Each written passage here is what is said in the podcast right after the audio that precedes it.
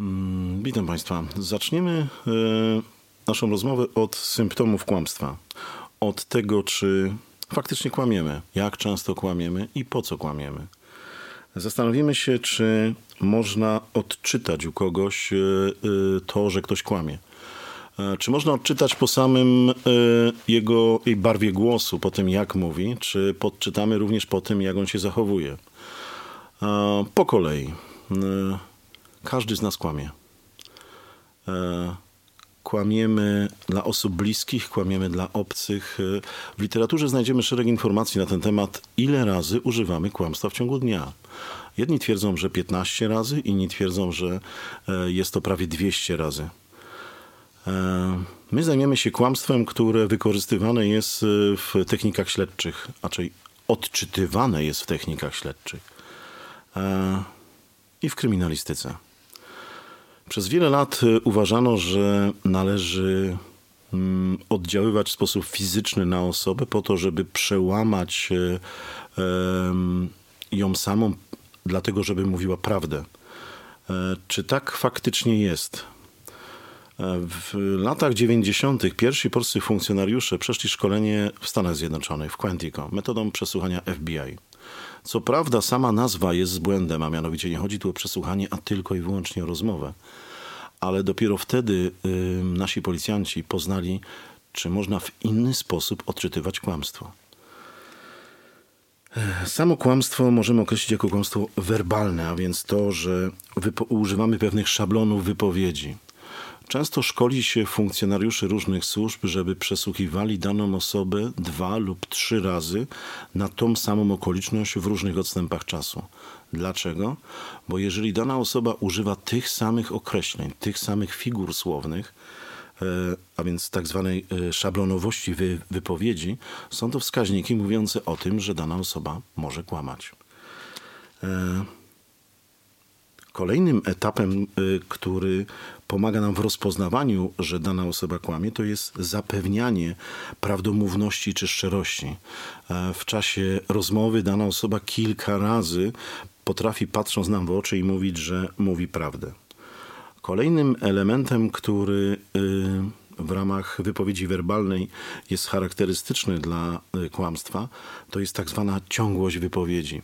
Wystarczy danej osobie przerwać tylko, zadać pytanie kontrolne albo pytanie y, niezwiązane z y, całym zagadnieniem i dana osoba wraca do wypowiedzi od samego początku. Dlaczego? Bo kłamstwo zostało przez tą osobę jasno opracowane w ramach szablonowości działań. E, czy to jest podstawa do tego, żebyśmy już rozpoznawali kłamstwo. Nie do końca. Musimy nauczyć się jeszcze obserwować naszego rozmówcę.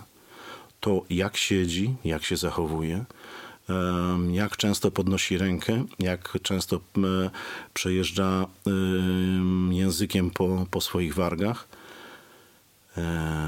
i gdzie patrzy. Można wymienić kilka elementów zachowań pozawerbalnych, które będą świadczyły o kłamstwie. Jednym z nich jest między innymi e, to, gdzie dana osoba patrzy. Wiele razy Państwo słyszeli o tym, iż e, wystarczy, e, że będziemy obserwowali oczy naszego rozmówcy. Jeżeli będzie patrzył on w lewy górny róg, będą, będzie to mogło wskazywać, że zaczyna zmyślać coś, że prawdopodobnie może nas oszukiwać. Zaznaczmy jedną rzecz. Symptomy kłamstwa to nie oznaka, że dana osoba kłamie, tylko że w wypowiedzi danej osoby mogą znajdować się przekazy, które nie polegają na prawdzie. Kolejną bardzo ważną rzeczą to dłonie i nasza twarz. Kiedy popatrzymy na małe dziecko, zobaczymy, że e, kiedy skłamie albo kiedy powie coś e, brzydkiego, często dzieci zbliżają e, ręce do twarzy, zakrywają usta, e, chowają całą twarz. E, obserwując dzieci, możemy nauczyć się kłamstwa dorosłych. Czy człowiek dorosły wyzbywa się zachowań y, tych dziecinnych, dziecięcych? No nie do końca. Kiedy będziemy obserwowali osoby, które zaczynają kłamać, zobaczymy, że częściej zbliżają oni dłonie do swojej twarzy. E, może być to częstsze poprawianie okularów, może być to y, poprawianie warg e, czy, czy kącików ust, wycieranie. E, mogą być to zachowania związane z poprawianiem włosów, trzymaniem się za podbródek. Wszystkie te elementy mogą świadczyć, że dana osoba nas oszukuje. Najlepiej y, zaobserwować to, kiedy prowadzimy rozmowę z daną osobą, kiedy posiada ona e, e, przed sobą cokolwiek do, do picia, czy jest to szklanka wody, czy jest to e, filiżanka kawy, czy herbaty. Im częściej dana osoba będzie sięgała po tą filiżankę, im bliżej będzie trzymała ją ust w momencie zadawania trudnych pytań, może to świadczyć, iż dana osoba przygotowuje się do, do tego, że będzie kłamać. Ktoś powie, że może być to również oznaka zdenerwowania. Tak. Czy trudno odróżnić zdenerwowanie od kłamstwa? E, tu musimy już połączyć zarówno zachowania pozawerbalne z zachowaniami werbalnymi, a więc umiejętność zadawania pytań, które są trudne i umiejętność zadawania pytań, e, które e, wiemy albo spodziewamy się, że dana osoba będzie kłamać. Tak zwane pytania kontrolne. Czy jest to wykorzystywane na, na co dzień? E, tak, proszę Państwa. Kiedy e, idziecie na rozmowę, na ważną rozmowę do dużej korporacji czy firmy, zauważcie, że najczęściej na stoliku, e, przy którym siadacie, znajduje się coś do picia. Woda mineralna, sok, szklanka. Obserwują Was inni i zwracają uwagę na to, jak się zachowujecie. Kiedy odkręcacie wodę, kiedy i jak często pijecie tą wodę w momencie, kiedy jesteśmy znerowani, dochodzi do wysychania y, samych ust. W momencie, kiedy zaczynamy już naprawdę kłamać, dochodzi do sytuacji, kiedy wysycha nam nawet gardło i bardzo często przełykamy ślinę, wycieramy, y, ocieramy językiem usta, y, czy sięgamy po cokolwiek do, do picia lub do jedzenia. W momencie, kiedy jesteśmy bardzo zdenerwowani, Mm, szklankę lub filiżankę trzymamy bardzo blisko ust i bawimy się nią e, rękami. E, co jest y, ważnego jeszcze w tym całym zachowaniu, to jest intensywność tych wszystkich elementów, a więc zarówno wzroku, e, twarz, y, zbliżania dłoni do, do twarzy, sięgania po szklankę, picia wody, wycierania ust im częściej, im y, więcej tych elementów jest z sobą połączonych, tym większe prawdopodobieństwo, że dana osoba nas oszukuje. Czy to znaczy, że możemy stworzyć idealny y, szablon odczytywania y, zachowań kłamstwa? Otóż nie. Na szkoleniu metodą FBI jest taki, takie podsumowanie, szko, podsumowanie całego szkolenia, które polega na tym, że E, puszczane jest przemówienie jednego z prezydentów Stanów Zjednoczonych na potężnym telebimie. E, e, pod przemówieniem jest widoczny zegar. Przemówienie puszczone jest bez dźwięku, bez głosu. Osoby, które obserwują to przemówienie w oparciu o zachowania pozawerbalne prezydenta, mają określić, w którym momencie prezydent prawdopodobnie kłamał. E, łatwo wtedy zaobserwować, że kiedy puścimy to samo przemówienie później z głosem i usłyszymy, że e, w Iraku była broń chemiczna, czy e, dany prezydent nie miał żadnego związku z Moniką Lewiński, dokładnie w tych momentach zachowań pozawerbalnych odczytaliśmy symptomy kłamstwa. E, czy łatwo odczytać symptomy kłamstwa u osoby bliskiej czy u osoby obcej? E, wiele osób twierdzi, że łatwo odczytamy to u osoby bliskiej, gdyż znamy jej zachowania. I tu jest problem, proszę Państwa.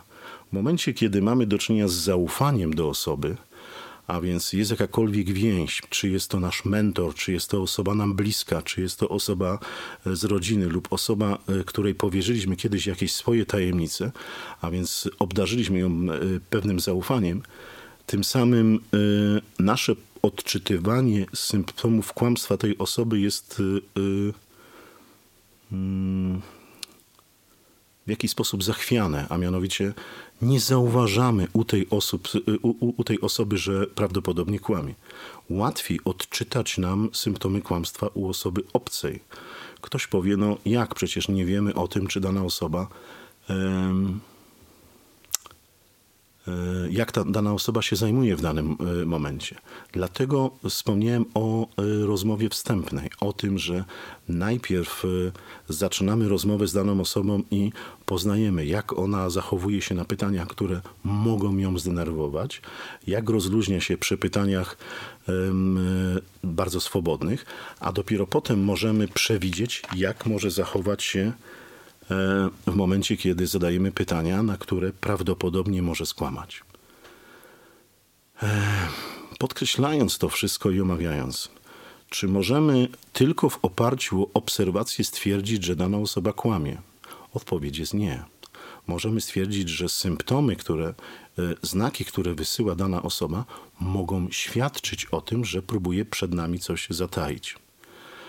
E, czy możemy oddzielić tylko i wyłącznie zachowania werbalne od zachowań pozawerbalnych? A więc, czy możemy wyłączyć głos, obserwując tylko daną osobę, e, stwierdzić, że dana osoba, e, kiedy dana osoba kłamała? Oczywiście, że nie. Musimy połączyć te dwie techniki po to, żeby dokonać analizy wypowiedzi werbalnej i zachowań pozawerbalnych i na tej podstawie wyciągnąć wnioski. Czy możemy zostać oszukani? Niestety tak. Bardzo często spotykamy się z osobami, które doskonale opanowały sztukę kłamstwa, które wiedzą, jak siąść, jak trzymać ręce. E, wiedzą o tym, że już na początku rozmowy należy odkręcić e, stojącą przed nim butelkę wody, albo chycić e, filiżankę kawy i trzymać ją blisko ust i co kilka, kilkanaście sekund e, delikatnie moczyć usta w kawie. A więc w ten sposób e, nasz sygnał, który przekazujemy, jest sygnałem zakamuflowanym, jest sygnałem sfałszowanym. Kto wykorzystuje symptomy, odczytywanie symptomów kłamstwa? Możemy odczytywać je na co dzień w kontaktach z, z naszymi bliskimi możemy y, po jakimś czasie zaobserwować, że dana osoba zachowuje się i wysyła symptomy, które mogą świadczyć, że jest wyjątkowo zdenerwowana w rozmowie lub e, e, po prostu nas kłamie. Możemy wykorzystywać je w pracy, w technikach związanych chociażby z pozyskiwaniem nowych pracowników e, i to jest bardzo częstym przykładem tego, jak szkoli się, szkoli się headhunterów a czy wykorzystywana jest w pracy śledczej? Tak, coraz częściej. Nie tylko Amerykanie, ale dzisiaj Polacy, e, Czesi. E, mamy przykłady przecież szkolenia e, z zachowań pozawerbalnych w policji czeskiej i litewskiej wykorzystują te zachowania. Uczy się tego, że nie trzeba używać siły, nie trzeba podnosić głosu, a wystarczy tylko umiejętność wykorzystywania psychologii obserwacji i wyciągania e, wniosków po to, żeby stwierdzić, czy dana osoba na pewno jest z nami szczera. Dziękuję bardzo.